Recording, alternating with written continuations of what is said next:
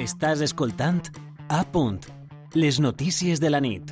Every time I walk into you, my memories bring the colors and the darkness. Time, love was more, but also then we were small,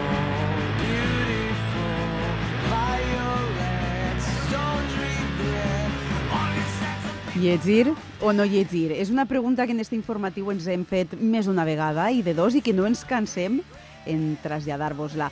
I ens agradaria saber en quin grup estan vostès, en el de les persones que llitgen o en el de les que no ho fan. Una pregunta que hem tornat a posar damunt la taula de redacció perquè fa poc es va presentar el baròmetre d'hàbits de lectura i compra de llibres a Espanya i ens hem fixat en la primera part de l'estudi que impulsa la Federació de Gremis d'Editors i el Ministeri de Cultura. Entre les conclusions que aporta hi ha que en l'última dècada el nombre de lectores i lectors ha augmentat. De fet, el 68,3% de la població espanyola major de 14 anys llig llibres. Si hi afegim els còmics, el percentatge puja al 69,7%. Aprofundim en aquestes dades. Alba, el baròmetre d'enguany constata que en l'última dècada la lectura s'ha incrementat un 5%, sobretot a partir de la pandèmia. En el 2023, a l'estat espanyol, 7 de cada 10 persones van llegir almenys un llibre al trimestre, com ressalta el president de la Federació de Gremis d'Editors d'Espanya, Daniel Fernández. Cuando siempre decíamos que España estaba a la cola de los países de la Unión Europea en índices de lectura, en los últimos diez años, en el último decenio, hemos aumentado cinco puntos porcentuales.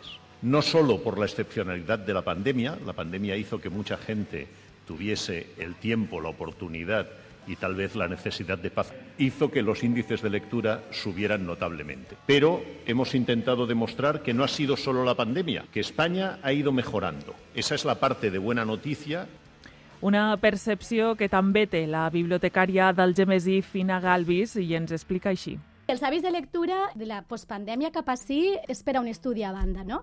Però la meva experiència és que sí, que, que ha remuntat. Han pujat els hàbits de lectura a uns estàndards alts. Sobretot les dones són les que més llitgen, entre 30 i 75 anys.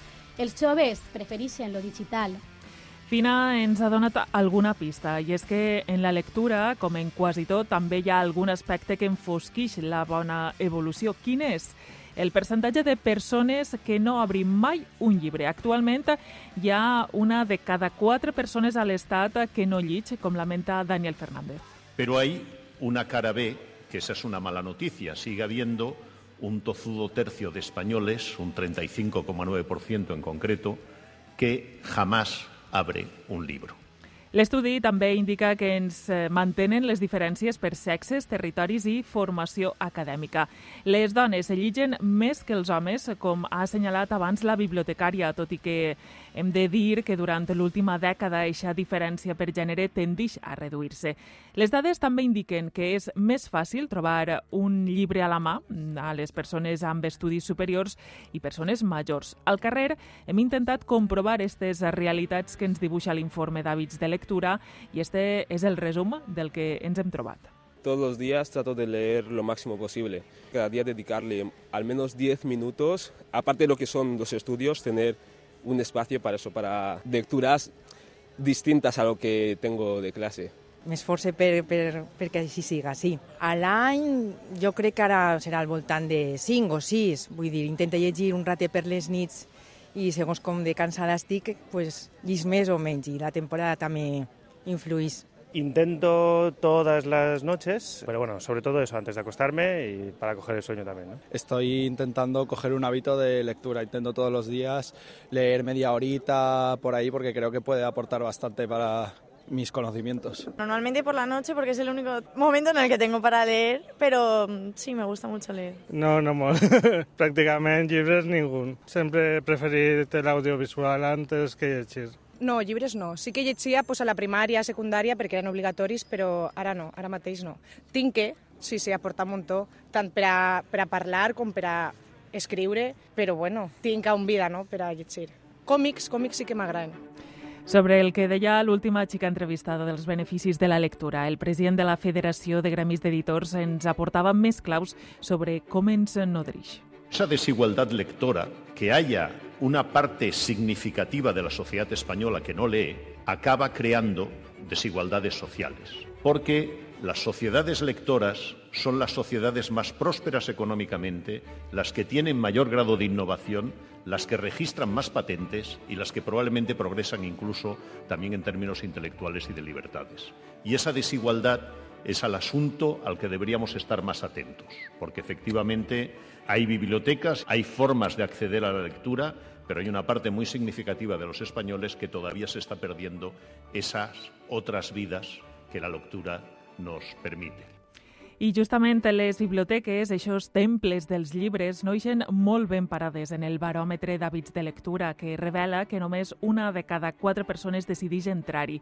I això que, com diu la presidenta del Col·legi Oficial de Bibliotecaris i Documentalistes de la Comunitat Valenciana, Yolanda Puigades, la funció actual de les biblioteques va més enllà de ser mers contenidors de llibres.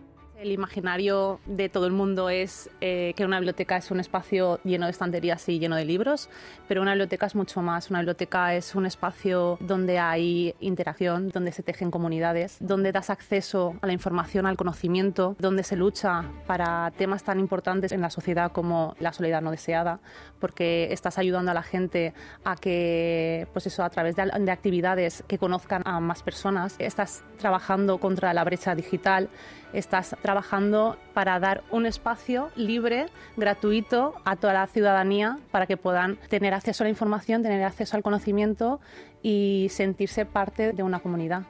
De fet, el lema del Col·legi de Bibliotecaris diu que les biblioteques no són el que eren ni les bibliotecàries tampoc i expliquen que són espais vius i actius. En resum... La biblioteca és la realitat d'una societat. Continuem seguint un servei de proximitat local que Sí. mimem molt als usuaris. El futur de la lectura sembla assegurat. Alba, segons el baròmetre, qui més llig és la gent jove, el tram d'edat entre 14 i 24 anys. Però, perquè eixa llavor germini amb èxit, els convidem a endinsar-se en qualsevol biblioteca o llibreria, perquè no importa on obtenim el llibre, tampoc el gènere, l'idioma o la longitud de la lectura, ja que qualsevol eh, cosa que llegim amb regularitat repercuteix positivament en el nostre cervell. Recorden que millora la comprensió, fomenta el pensament lògic i abstracte, exercita la memòria, l'amplia i la fa més flexible. Està considerada un bon relaxant perquè si gaudim de la lectura implica repòs i concentració.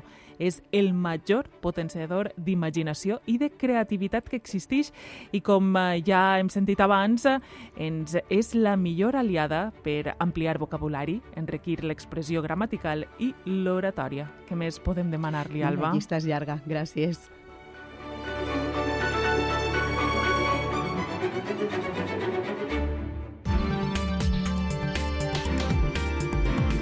Escoltes a punt, les notícies de la nit.